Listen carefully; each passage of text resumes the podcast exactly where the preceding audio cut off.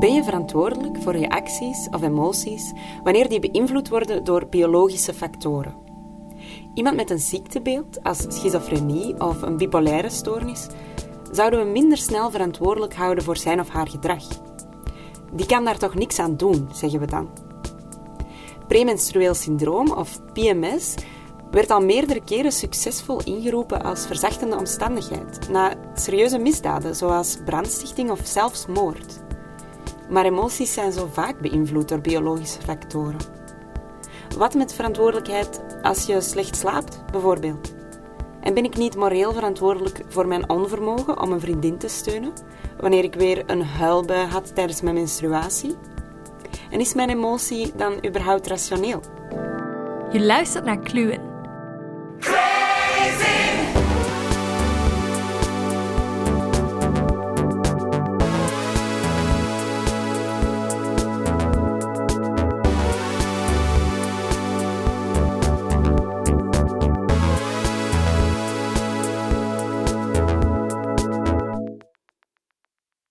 I have a theory yeah. about you, so tell me yeah. if, you, if, this is correct. Mm-hmm. I feel like you um, feel like being bipolar is part of what makes you brilliant, part of what makes you you, and you embrace it. Yeah. Shit could get menacing, frightening. Ask your homegirl right now. Look, you had a shot at Ye. I scared myself, myself. You see, that's what I'm talking about. That's why I fuck with Ye. See, that's my third part. That's my bipolar shit, nigga. What? That's my superpower, nigga. Ain't no disability. I'm a superhero. I'm a superhero. Je hoorde Kanye West. Kanye rapt over zijn bipolariteit alsof het een superpower is. Hij neemt verantwoordelijkheid voor de kunst die hij maakt als hij manisch is. Het is zoals een gave die hem overkomt. Maar toch zien we hem wel als de muzikant en niet zijn bipolaire stoornis. Maar hoe zit het met verantwoordelijkheid bij iemand met bijvoorbeeld autisme? Neemt de diagnose niet juist iets van verantwoordelijkheid weg? We vragen het aan Christine Hens. Zij werkt als bioethica aan de Universiteit Antwerpen en ze doet onderzoek naar de ethische vragen die opkomen bij medische diagnoses zoals autisme wat de mensen met autisme mij vertelden, is dat vanaf het moment dat zij hun diagnose kregen, dan viel er iets van hen af. En dat had te maken met, met een soort van verantwoordelijkheid. Ze hadden altijd het gevoel gehad, ja, ik moet ergens altijd mezelf overstijgen, ik moet beter worden, ik moet, ik moet een bepaald ideaal bereiken. En um, dat ging dan niet goed en dan zijn ze in de problemen geraakt en hebben ze ja, die diagnose gekregen. En die werkte heel, ja, wat wij dan noemen, onschuldigend. Ik kan het eigenlijk gewoon niet. Ik moet die verantwoordelijkheid niet meer oppakken. Uh, mijn hersenen zijn nu eenmaal zo gemaakt dat ik bepaalde dingen in mijn leven niet kan, niet kan en ook niet voor verantwoordelijk ben. Mijn uh, doctoraatstudente Delphine Jacobs, die is ouders gaan interviewen van jonge kinderen en die zag daar eigenlijk ook een beetje hetzelfde. De diagnose, als het kindje dan een diagnose kreeg, dan werkte dat onschuldigend. Hè. De, de, ouders waren niet verantwoordelijk voor het moeilijke gedrag van het kind, maar het kind was daar zelf ook niet verantwoordelijk voor.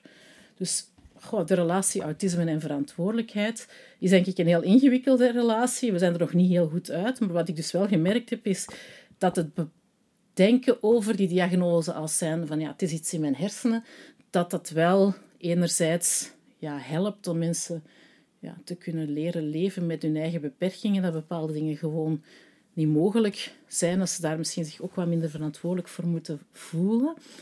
Um, anderzijds heeft dat ook wel een aantal gevaren. Hè?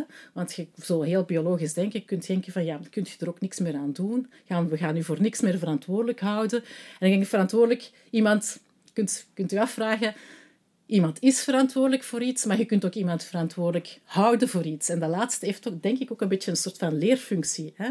Misschien ben je nog niet helemaal verantwoordelijk, maar als we je verantwoordelijk gaan houden daarvoor, kun je daar ook iets van leren. Hè? En ik denk dat dat ook wel belangrijk is. En als we te hard gaan denken van ja, het zijn gewoon onze hersenen, gaat dat ook niet meer mogelijk zijn. Ja, en dat is denk ik ook niet iets wat dus alleen uh, met autisme te maken heeft. Nee. Ehm, onze grote vraag is: in hoeverre zijn we verantwoordelijk voor onze acties en emoties als die beïnvloed worden door biologische factoren? Ja, ja. Uh, dat is een super interessante vraag. Want ja, wat is het eigenlijk verantwoordelijk zijn voor je eigen emoties en wat zijn eigenlijk biologische factoren? En ik, uh, de laatste, ja, ik vind we gaan precies heel, heel veel uit van een soort van dualisme. Hè. We zijn verantwoordelijk als het ergens in onze geest zit of, of whatever, of we zijn niet verantwoordelijk als het in onze biologie zit. Hè. En dan zijn er mensen die dat dualisme in stand houden, of er zijn mensen die het gewoon helemaal wegreduceren. Alles wordt gereduceerd tot de, tot de biologie. Hè. En wat het dan wil zeggen is, we hebben geen vrije wil. Hè. We dat gewoon vergeten. Er is gewoon geen vrije wil. We zijn voor niks meer verantwoordelijk. Maar dat is wel heel simplistisch. Hè? Zowel het dualistisch denken is denk ik heel simplistisch. Uh, en zowel het heel reducerend uh, denken um, over materie als zijnde van dat je dan automatisch geen vrije wil hebt, is denk ik ook heel simplistisch. Ik denk dat we moeten gaan naar een soort van idee dat, ja, dat of iets biologisch of is of niet, eigenlijk niet veel kan zeggen over hoe verantwoordelijk je nog bent voor je eigen daden. Het gaat dan inderdaad meer over ja, hoeveel heb ik nog onder controle en kan ik het voorspellen enzovoort enzovoort. Maar ja, ik denk dat het niet goed is om dat puur om die dualiteit van verantwoordelijkheid en biologie. En, en, en, ja, het zit in mijn geest, dus ik ben er wel voor verantwoordelijk om dat vol te houden. Misschien kunnen we gewoon eens nadenken over is gewoon het concept biologie herdenken. Hè? Dat biologie niet wil zeggen dat iets puur reductionistisch of deterministisch is, of dat, omdat iets in je biologie zit, dat dat iets is dat vast ligt van bij je geboorte en waar je niks meer aan kunt doen. En ja, verschillende voorbeelden. Hè. Bijvoorbeeld, ja, ik denk dat zoiets als een psychopaat, dat dat misschien ook wel te maken heeft met zijn of haar biologie of hersenen. Maar wil dat zeggen dat die mensen voor de rest van hun leven zo moeten zijn en dat die niet meer kunnen veranderen? Ik denk het niet. Ja. Mhm. Dus als ik uh, weer eens een huilbui heb tijdens mijn menstruatie of zo, dan uh, um, kan ik dat niet helemaal afdoen met biologische factoren. Ik denk dat die biologische factoren wel meespelen. Ik denk dat, wel, dat je dat wel als een soort van excuus kan gebruiken. Hè? Van kijk, dit, maar dan heeft het meer te maken met dit heb ik nu veel minder onder controle. Hm? Ja. Dan met puur van het is zo omdat het mijn biologie is. Want dat is denk ik misschien iets dat op den duur weinig zeggend is. Hè. Ja. Ehm, maar er zijn andere aspecten van verantwoordelijkheid. Je kunt gaan nadenken. Ik weet het nu, ik weet dat het daaraan ligt. Ik weet, het ligt aan mij. Het is morgen weer, weer zover, dus nu weet ik dat ik mij zo voel. En afgaande op die informatie kan je misschien wel wat meer verantwoordelijkheid nemen of, of toch bepaalde zaken gaan ja, in den context zien. Ja, ik heb daar een voorbeeldje van uit mijn interviews. En dat was een meneer en die zei, voordat ik mijn diagnose autisme had, um, was ik altijd heel boos. Dus hij was altijd heel boos als bijvoorbeeld kinderen buiten speelden, want dat overprikkelde hem en hij vond niet dat hij dat recht had om dat te doen en werd daar heel boos van. Je zou het kunnen zeggen, hij kreeg dan die diagnose en je zou het kunnen zeggen, ja, die boosheid, dat, dat, hangt, dat is gewoon omdat die die een ander soort hersenen heeft. Maar ehm, hij zei: nee, nu weet ik dat het aan mijn hersenen ligt. Dus nu weet ik ook van, ja, ik moet daar toch iets aan doen. Dat is eigenlijk toch wel niet de schuld van die kinderen. Hè. Ik ga proberen dan te zien dat ik mijn rolluiken naar beneden doe en, enzovoort enzovoort. Maar ik word nu minder boos. Dus ik denk het in, het in de context plaatsen is ook al belangrijk. Ja. En zou je dan kunnen zeggen dat... Ergens moet ik, wil ik wel zeggen dat je een beetje verontschuldigd wordt omdat, het, ja. omdat je inderdaad er toch een beetje minder controle over hebt ook. Zou je dan onderscheid kunnen maken in um, verantwoordelijk zijn voor die boosheid en verantwoordelijk...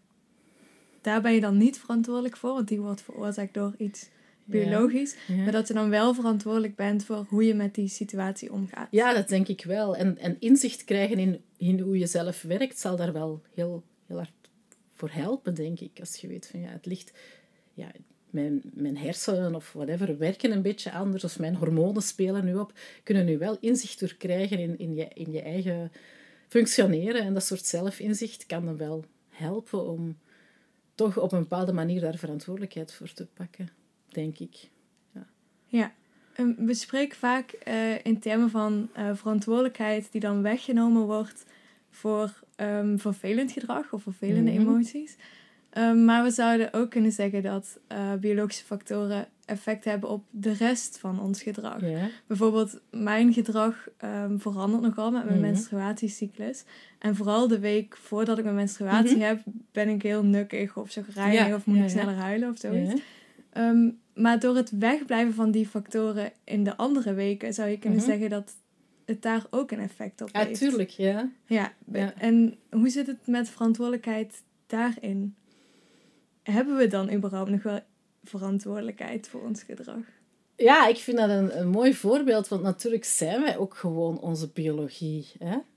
En ehm, daarmee denk ik, maar dat is misschien een gemakkelijkheidsoplossing, moeten we die, dat denken over verantwoordelijkheid en biologie misschien daar toch anders ten, tegen naar gaan kijken. Want je bent even goed als je puur als je biologie en verantwoordelijkheid samenneemt, bent je inderdaad evengoed niet verantwoordelijk voor je nukkigheid als voor je goedgezindheid. Het, het, onderscheid wordt gewoon eh, zinloos.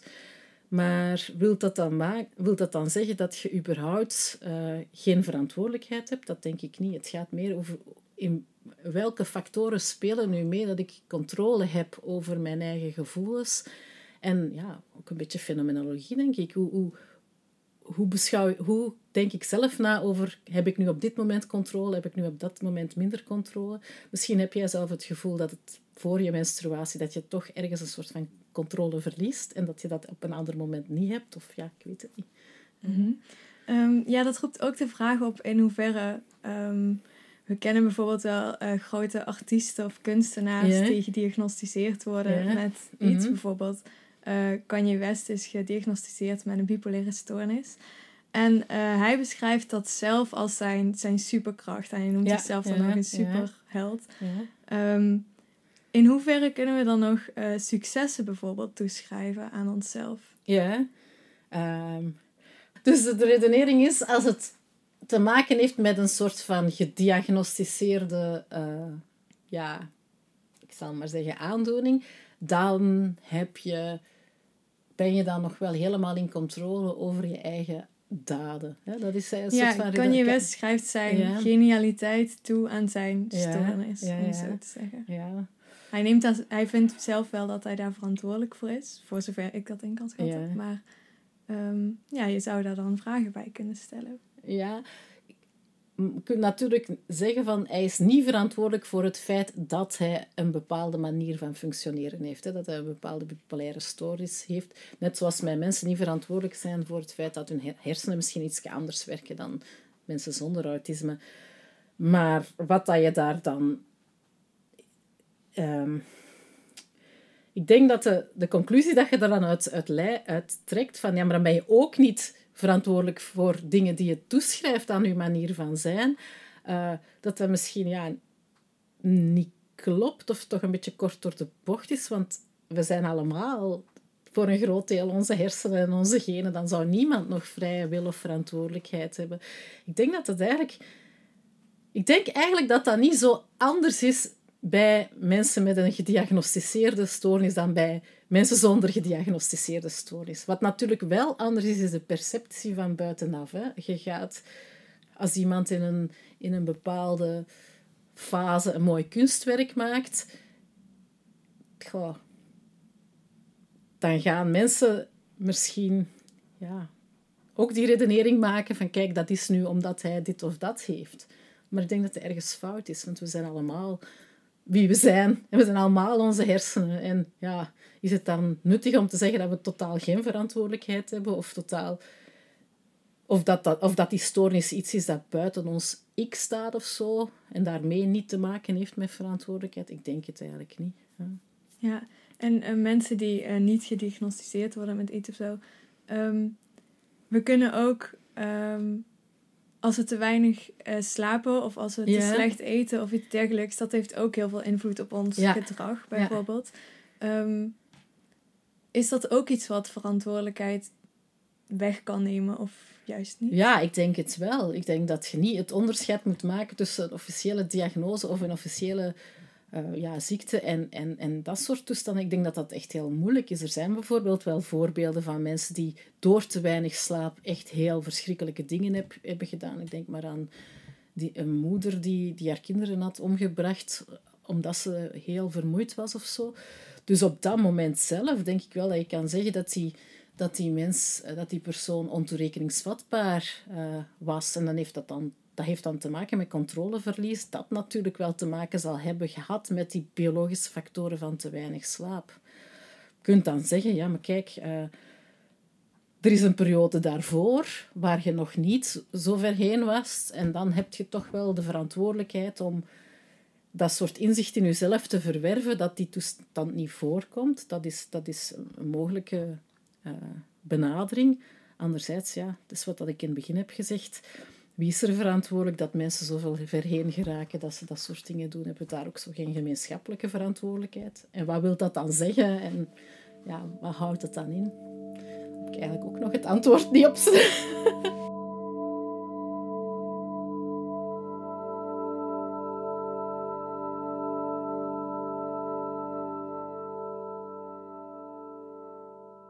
We hebben het nu gehad over uh, biologische factoren en verantwoordelijkheid.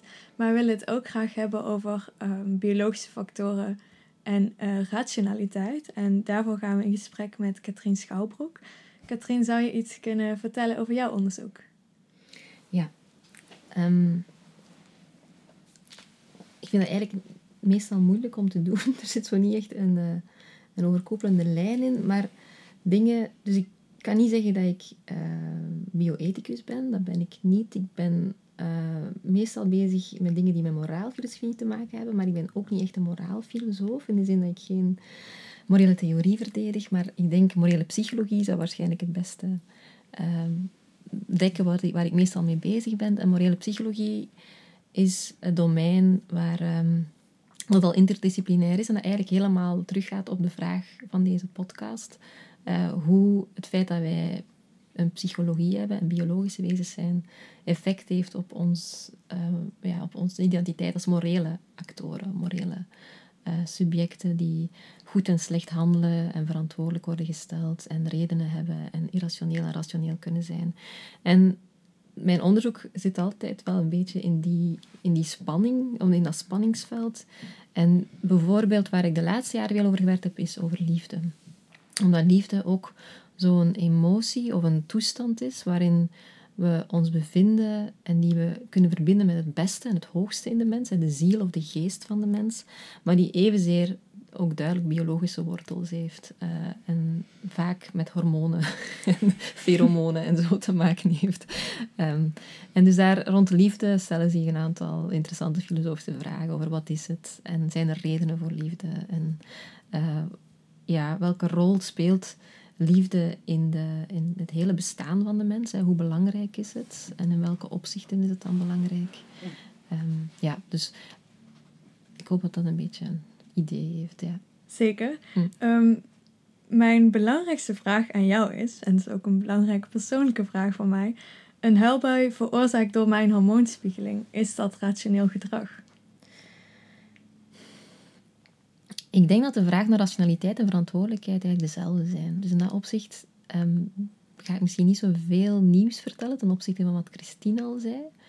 Omdat de vraag of jouw uh, bij rationeel is, hangt samen met de vraag, of het antwoord daarop hangt af van de vraag of je daarvoor verantwoordelijk gesteld wordt of niet voor die huilbui, denk ik. Omdat rationaliteit uh, in, in deze situatie zou, zou ik het willen beschrijven als het tegendeel van arationaliteit. Dus je, hebt, je moet twee duo's van elkaar onderscheiden als je het over rationaliteit hebt. En dat is wel nuttig om dat van bij aanvang te doen. Je hebt rationaliteit als het tegendeel van de tegenpool van irrationaliteit. Maar je hebt ook rationaliteit als de tegenpool van arrationaliteit. En sommige van onze toestanden waarin wij ons bevinden, vallen buiten het domein van de rationaliteit. Bijvoorbeeld van een honger. Van honger bijvoorbeeld kan je niet zeggen dat is, dat is rationeel of niet, dat heb je gewoon. En pijn is ook zo'n toestand waar, waarvan je de rationaliteit niet kan beoordelen. Nu, emoties zijn moeilijker. Dat zijn zo de twijfelgevallen. De duidelijke gevallen zijn overtuigingen, daar wordt meestal van gezegd, die zijn, of, die zijn rationeel. Hè. Dus die heb je om redenen.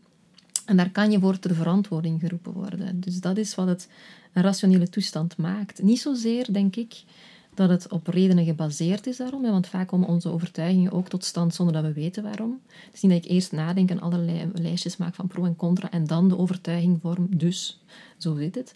Ehm, maar we worden er wel voor ter verantwoording geroepen. En ter verantwoording roepen wil zeggen, ja, waarom denk je dat? En geef ons daar uw redenen voor. En het is helemaal niet gek om dat te vragen. Hè. Voor overtuigingen moeten we redenen kunnen geven.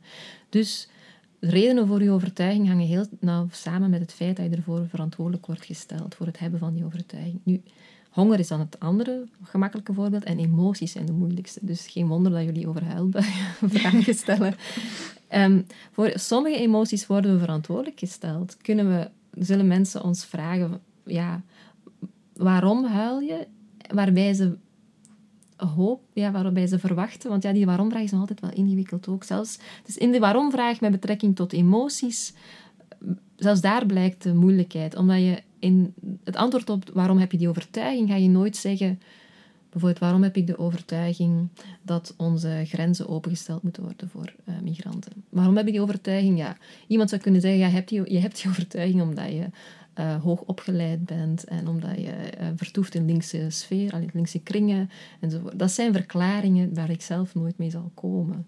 Ik kan nooit zeggen dat dat is waarom ik die overtuiging heb. Ik heb die overtuiging omdat ik ja, belangrijk vind dat we uh, empathisch zijn en ons moeten kunnen verplaatsen in andere mensen en ons afvragen hoe wij dan zelf zouden willen behandeld worden en, enzovoort. Dus mijn, mijn redenen zijn rechtvaardigingen, geen verklaringen. Bij emoties, als je de waarom-vraag stelt, zou het kunnen dat mensen zelf snel vervallen in verklaringen in plaats van rechtvaardiging. Dus als je iemand vraagt waarom huil je, is het niet gek dat je als antwoord krijgt ja, omdat ik slecht geslapen heb. Dat kan. Dat werkt. Dat is niet absurd, zoals het in het geval van overtuigingen wel absurd is om als verklaring te geven ja, omdat ik hoog opgeleid ben. Ehm, dus bij emoties is het wat moeilijker. Uh, en soms is het inderdaad... En dan hangt het denk ik van de context af. Dus soms is dat aanvaardbaar en zullen we zeggen, oké, ja, je hebt slecht geslapen, we laten het passeren. Maar in andere situaties, andere contexten, denk ik dat we toch verwachten dat iemand ook een rechtvaardiging kan geven. Of iets meer inzicht kan geven in die huilbui, waarom die er is. Rechtvaardiging klinkt misschien een beetje te streng, maar iets anders dan gewoon een verklaring. Iets dat er betekenis aan geeft, aan die huilbui. En dat, is dat gaat al echt in de richting van iemand verantwoordelijk houden. Niet in de straffende zin van het woord of zo, maar gewoon iemand ja, als, als de oorsprong en als de, de ja, auteur van, van zijn emoties of haar emoties zien. En uh, er dan ook vanuit gaan dat die emotie redelijk is, in tegenstelling tot uh, onredelijk, uh, dus arationeel, zoals een hongergevoel. Dit hangt soms af, denk ik, van hoe je jezelf ook bekijkt. Van, bekijk jij een, een huilbui een beetje zoals honger hebben, als iets dat je overkomt en wat, wat je dan moet afvragen vervolgens, wat ga ik ermee doen? zoals met honger moet je afvragen, wat ga ik nu doen? Ga ik nu eten of ga ik nog een uurtje wachten? Uh, bij een huilbui dat ook. Maar heb je bij een huilbui ook nog andere vragen over... Ja, zit er een betekenis in die huilbui? En ligt, ja, ligt het iets op over hoe ik in elkaar zit? Ja, maar hoe ik in elkaar zit, dat was iets wat Christine ook uh, vermeldde. Hoe ik in elkaar zit, heeft niet alleen te maken met uh, hormonen en en uh, genetische opmaak waar ik niks kan aan doen, maar ook met bepaalde waarden die we hebben. Of daar gaat cognitieve therapie over bijvoorbeeld. Hè, dat je probeert daarop vat te krijgen over welke overtuigingen, impliciete overtuigingen of waarden zitten hierachter. Of mensbeelden, wereldbeelden. Um, welk mensbeeld heb ik op dit moment? Welk zelfbeeld heb ik? Maakt dat mij verdrietig? Is dat eigenlijk wel een redelijk zelfbeeld om te hebben? Um, dus van zodra jij dit soort vragen begint te stellen, is je huilbui, of behandel jij jouw huilbui als redelijk? Dus heb ik uw vraag nu beantwoord. Niet in een absolute zin van het woord, maar ik, ik denk, ja, het is een beetje contextueel um, gebonden. Ik kan me ook nog een situatie voorstellen waarin um, ik bijvoorbeeld een huilbui heb en me ook bewust van ben dat mijn PMS daar invloed op heeft. Ja. Maar dat ik nog steeds vind dat ik goede redenen heb voor die huilbui bijvoorbeeld. Terwijl iemand anders misschien dan zegt van nee, je bent op dit moment irrationeel. ja. Die huilbui is een irrationeel gevolg van biologische factoren. Terwijl ik zelf dan misschien Mhm. nog geïrriteerder zou reageren Ja. dat ik wel goede redenen daarvoor heb. Ja, terecht. terecht want inderdaad, je moet, je moet niet te snel naar die ver- verontschuldigende eh, verklaringen grijpen. Ik bedoel, die mogen, die, het is goed dat die er zijn, hè, soms in sommige situaties. Maar de verklaringen in termen van een, een, een biologi- biologische opmaak, een diagnose enzovoort, ehm, kunnen verontschuldigend werken, maar die, zijn, die kunnen ook eh, ja, heel gevaarlijk zijn. En zoals je zei, ontmenselijkend. Dis, daar blijkt een soort disrespect uit van... eh, ja, zeker bij vrouwen ben je daar terecht heel gevoelig voor dat er dan verwezen wordt, nou ja, je, je bent gewoon, je, lichaam spreekt nu, maar dat ben jij niet of zoiets. Ehm, eh, dat, dat is een, ja, een heel vernederende opmerking. En dus dan ben je daar terecht boos om, denk ik, als je dat zegt. En ja, je moet... Hoe, wie, wie mag dat dan bepalen? Hè? Of, of het eh, een redelijke emotie is dan wel een onredelijk lichamelijke reactie. Ehm, mag, mag jij dat zelf bepalen? Of mag iemand anders dan jouw plaats bepalen? Het lijkt mij het beste om dat in overleg met mensen te bepalen of te weten te komen. Of, ja, er is ook niet altijd een noodzaak om dat te bepalen, maar mocht die noodzaak zich stellen, met mensen die jou goed kennen of zo. Het, ik dacht eraan wanneer Christine sprak over kinderen met autisme. Ehm, ik heb een aantal eh, vrienden, bevriende ja, ouders met kinderen met autisme. Ehm, en ehm, één dochtertje heeft autisme, het andere dochtertje niet. En eh, eh, dat is ook geweten, hè, dus dat, dat is geen geheim of zo. Die kinderen weten dat van elkaar. En dan zei het ene dochtertje, trok aan het haar van het andere dochtertje. En die zei, oh, auw, auw, dat doet pijn, dat doet pijn. Maar ik ben niet boos op jou, want jij hebt autisme.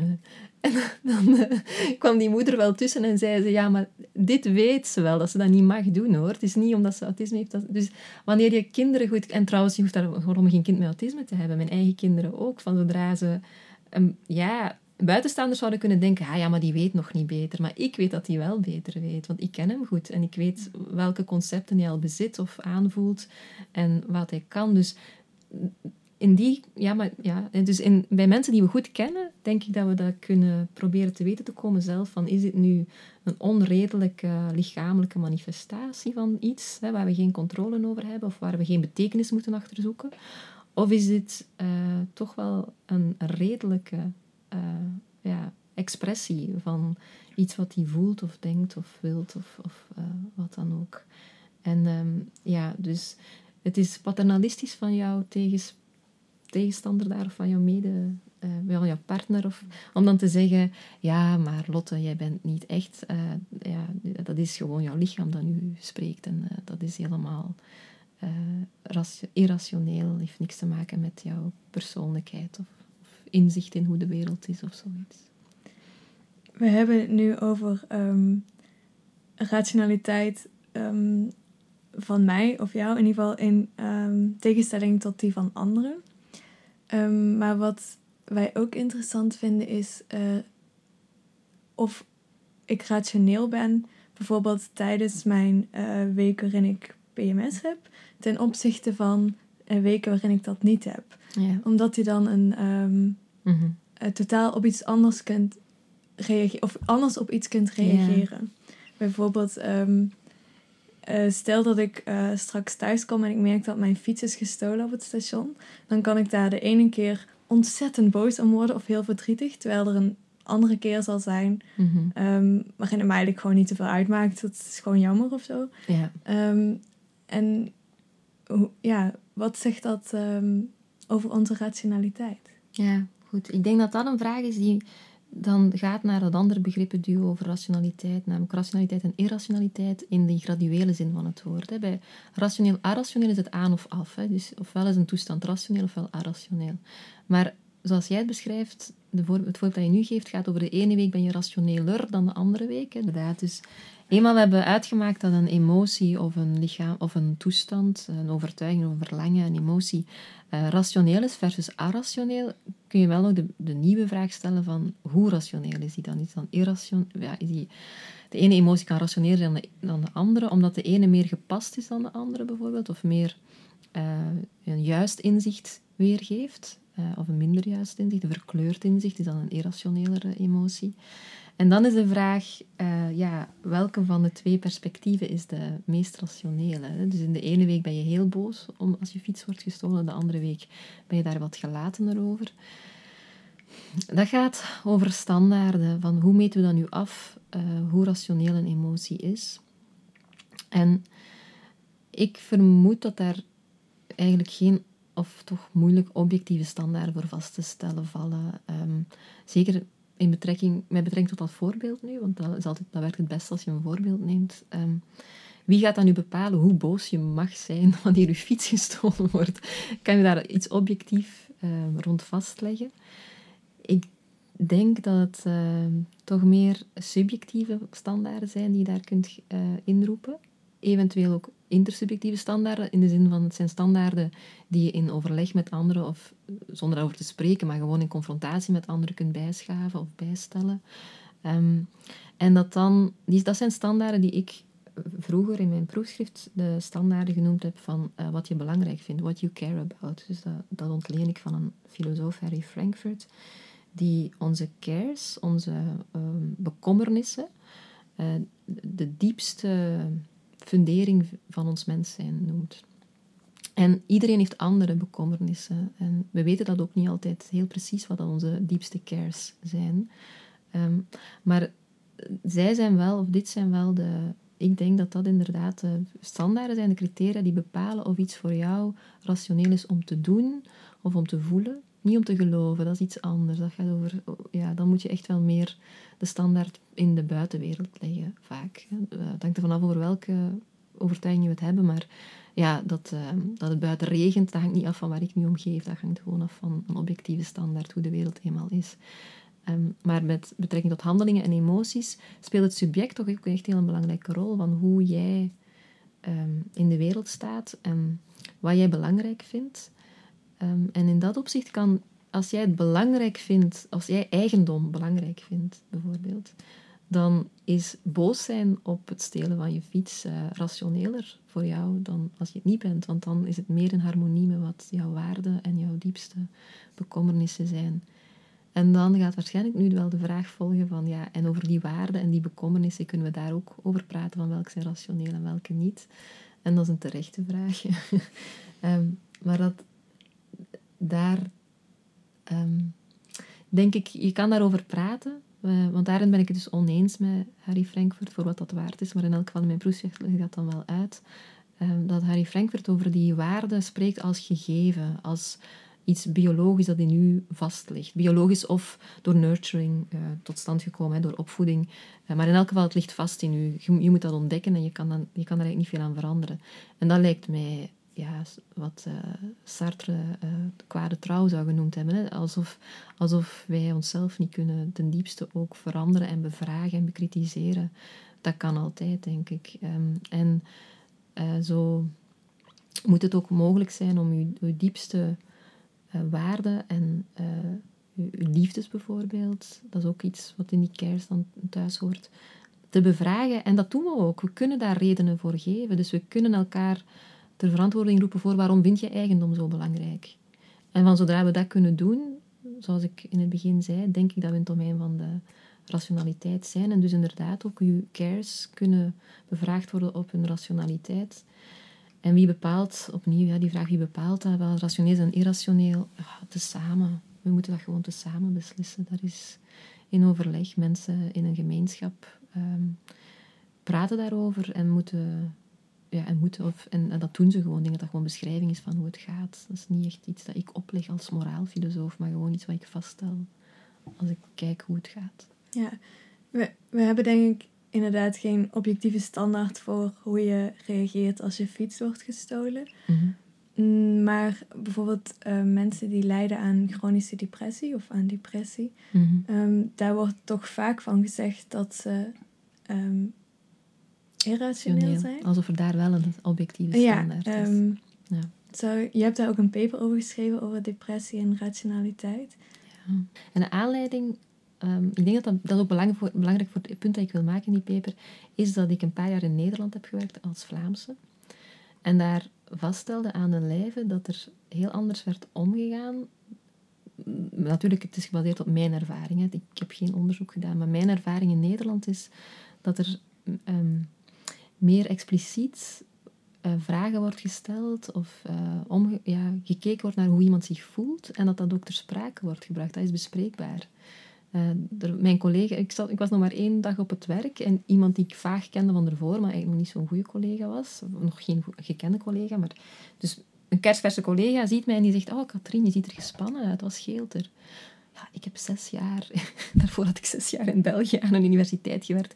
Nooit heeft iemand mij die vraag durven stellen. Dat, dat gebeurt niet zo heel snel. Um, en ik denk dat dat cultureel bepaald is. En nu niet dat alle Vlamingen zo zijn, maar er, er zijn wel een paar uh, culturele tendensen, denk ik, dat mensen in Vlaanderen niet zo gauw elkaar zullen aanspreken of ter verantwoording roepen, maar dan dus in de positieve zin van het woord, hè, ter verantwoording roepen voor waarom voel je je zo, wat is de betekenis hierachter.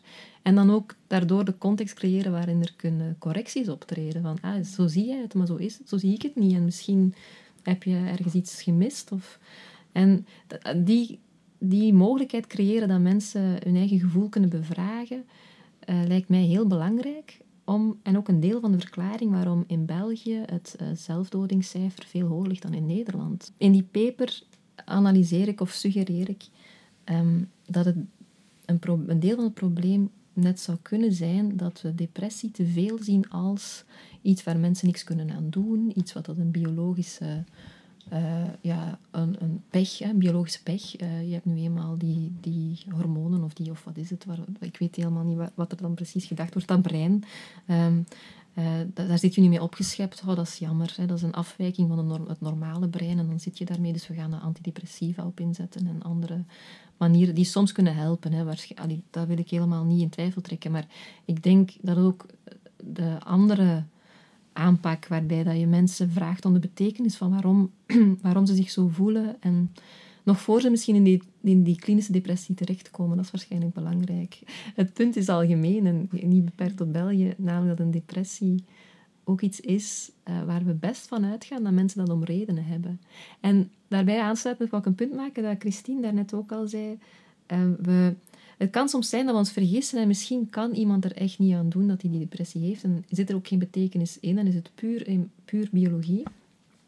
Maar zelfs dan nog zou het kunnen dat door die erop aan te spreken en om redenen te vragen, dat we, die, dat we wel iets in gang brengen bij die persoon, waardoor het iets wordt waar je toch vat op begint te krijgen. Want als het puur biologie is, heb je er ook geen vat op en ben je gewoon een slachtoffer. Maar wanneer je iemand in die rationele zin van het woord aanspreekt, dan geef je die soort controle en verantwoordelijkheid ook terug die misschien kan helpen in een therapeutisch proces. Ehm, en dat is ook wel iets uh, ja, dat in de literatuur aan bod komt, dat um, redenen of rationaliteit van, van uh, zelfdoding uh, inderdaad vooral vanuit de persoon zelf moet beoordeeld worden. Het is heel paternalistisch om van, vanuit een buitenstaanders perspectief te zeggen, ja, ja, dat is compleet irrationeel, die zelfdoding of zoiets. Dat, dat, je kan dat niet altijd beoordelen, omdat mensen, zoals ik daarnet zei, mijn, mijn idee over rationaliteit is dat het heel sterk afhangt van uw standaarden die subjectief zijn, die in u zitten, uw cares, waar je om geeft. Um, maar, en dus wanneer je zegt van, ja, dat is compleet irrationeel, dan, dan is het misschien omdat die persoon bepaalde cares heeft die jij niet hebt of zo, dat je bepaalde dingen niet ziet. Maar toch kan het in een andere zin wel nuttig zijn om zo'n uitspraken te doen, omdat je mensen wel kan um, ertoe brengen om hun cares te gaan onderzoeken en ehm, misschien, misschien toch die aan te passen of zo. Uh, dus het klinkt soms onrechtvaardig en paternalistisch om iemand ter verantwoording te roepen en, en te zeggen van ja, je hebt helemaal geen reden om depressief te zijn. En je moet natuurlijk zien in welke verwoordingen dat je zo'n dingen zegt.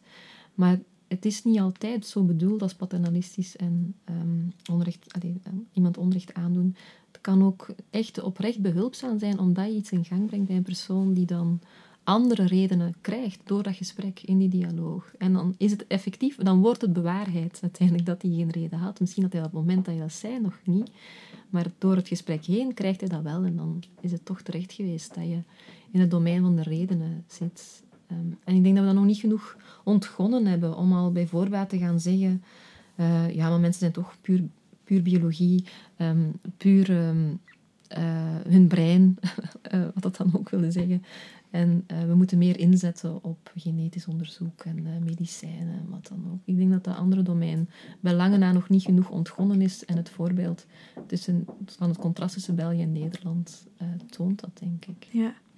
Ehm, wanneer verschillende stemmingen rationeel kunnen zijn, hoe kan iemand met bijvoorbeeld een chronische depressie of iemand met stemmingswisselen, zoals bijvoorbeeld bij PMS, hoe kan iemand zichzelf begrijpen? Wanneer, um, wanneer is diegene voor zichzelf, voor zichzelf voelt degene zich waarschijnlijk in beide uh, stemmingen rationeel. Ja, ja. Um, bijvoorbeeld wanneer ik mm. uh, een depressieve bui heb, mm -hmm heb ik daar redenen voor en kan ik daar redenen voor geven. En dan kan ik me niet voorstellen hoe een andere bij is. Terwijl als ik in een um, uh, hypomanie-achtige stemming uh, zit, uh, kan ik me niet voorstellen dat ik ooit redenen had om um, een depressieve bij te hebben. Wat kunnen we daarover zeggen? Ja, dat is een heel interessante vraag. Um, het doet mij denken aan iets waar ik het deze middag over had. De, de mythe of het verhaal van Odysseus, die zich laat vastbinden aan de mast, omdat hij in de buurt van de sirenes gaat komen en hij weet, hij voorspelt dat hij, als hij in die buurt komt, uh, overboord zal springen, um, zoals bij vele anderen is gebeurd. maar het is dus een voorspelling, op, geen intentie, maar een voorspelling, want dat zal er gebeuren. En die dat wil tegengaan en zich daardoor, daarom laat vastbinden aan de mast. Um, waarbij hij dus de beslissing neemt dat dat standpunt van het niet ingaan op die sirene, um, op wat dat, die verleiding van de sirene, dat dat het rationele standpunt is, dat dat zijn standpunt is, daar wil hij aan vasthouden. Ja, en hij neemt dat op een moment dat hij ook in dat standpunt zit. Ja, dus je zou kunnen zeggen, um, er, is, er is helemaal geen geen uh, ongekleurd standpunt. Uh, en uh, het hangt er maar vanaf op welk moment je een beslissing neemt. Je zou even goed... En dus je zou dan... Ik weet niet goed hoe het gaat met bipolaire stoornissen, maar je zou dan bijna moeten zeggen dat je... als je je in, de ene, in het ene extreme vindt, moet gaan beslissen van dit ben ik echt en ik ga vermijden dat ik ooit in het andere extreem terechtkom. Uh, maar dan het andere extreem zou je hetzelfde zeggen. Dus uh, vandaar dat ik um, Odysseus uh, vermeldt als... Ja, dat wordt vaak genoemd als een voorbeeld van, kijk, zo kan rationaliteit werken. Uh, je, je voorspelt wat er gaat gebeuren, maar je beslist, zo wil ik, zo wil ik, ik wil het niet zo ver laten komen. En dan ja, ontneem je jezelf een zekere autonomie, maar uh, je doet dat om de, je autonomie te beschermen. Maar een extra laag in dat voorbeeld is wat jij nu net aanhaalt. Dat, het, dat je dan wel moet ervan uitgaan dat een van die standpunten het meest rationeel of het meest authentieke is. Is het niet mogelijk om, om ze allebei als um, karaktereigenschap te... Allicht wel, maar het hangt vanaf hoe extreem het gaat. Want bij het voorbeeld van de sirenes, um, ja, het andere standpunt, het niet-rationele standpunt, vanuit bekeken van aan de mast, is het overboord springen. Dus dan, dan ja, vernietig je jezelf. Um, en kan dat kan dat het meest rationele ding zijn om te doen? Misschien wel. Misschien is zelfvernietiging, zelfdoding soms rationeel, maar het is wel een heel extreem. Dat zie je natuurlijk. Het is een on, uh, ja, onterug, je kan het niet terugdraaien. Het is uh, een, uh, een catastrofale gebeurtenis. Het einde van, van alles, van jouw existentie althans. Dus je moet, ja, je moet toch wel heel erg zeker van je stuk zijn om, die, om zo ver te kunnen gaan. Dus je kan inderdaad zeggen, ik ben beide. Ik ben zowel de, de, de manische als de depressieve persoon. Maar er moeten toch ergens dan wel grenzen zijn aan hoe ver je kan gaan in beide extremen. Zonder dat je jezelf, ook de andere zelf dan, ook niet de andere zelf, maar de andere kant van jezelf, uh, ook nog wel de vrijheid geeft om te bestaan. Want als je te ver doorslaat in het ene, dan ontneem je ook de andere de andere kant het bestaansrecht. Ehm, en ja, misschien druk ik het niet helemaal correct uit. Of, maar in elk geval, dat, dat wil ik wel zeggen. Dat het, het, is, lijkt me juist dat ze allebei een deel van je karakter kunnen zijn. Maar, je, maar bij mensen met uh, suïcidale neigingen of die depressief zijn tot, tot in het suïcidale toe, um, kan het toch rechtvaardig zijn, denk ik, om ergens te zeggen: ja, laat ons even, en dat is natuurlijk wat de psycholoog doet en wat de therapeut ook moet doen, is aannemen dat dat niet echt is waar je wil zijn. Dat dat niet echt de rationele... Je hebt dat ook in, in eh, een is. Er zijn ook mensen die zich helemaal in de Ja. schilden storten, bijvoorbeeld in Ja. een manie. Of, Of die denken dat ze Ehm, kunnen vliegen. of ehm, zo, ja, ik. kunnen vliegen. Ja. Of eh, briljante albums schrijven, zoals Ja. Kanye West in Ja. manie, Ja, bijvoorbeeld. ja. Ehm, hij wil zich daar dan wel mee identificeren. Ja, en, maar dat maakt niet onmogelijk dat hij ook als in zijn niet-manische toestand nog dingen kan doen. Dus je ondergraaft geen mogelijkheden op, die manier. Dus dan denk ik dat je daar wel zeker zin pragmatisch kan in zijn van ik laat dat toe, ik laat mezelf dat doen en de, de omgeving laat het ook toe. Ik denk dat de omgeving daar natuurlijk ook een belangrijke rol speelt. Ehm, waarbij die altijd een evenwicht moet bewaren of moet proberen het extreem van paternalisme te vermijden, maar ook het andere extreem van ehm, ja, onverschilligheid. Dat is natuurlijk ook een, een extreem dat je moet vermijden. Dit was Kluwen, een filosofische podcast over de knopen van het mens zijn. Bedankt aan onze gasten en aan Anne Lucassen voor het beeld.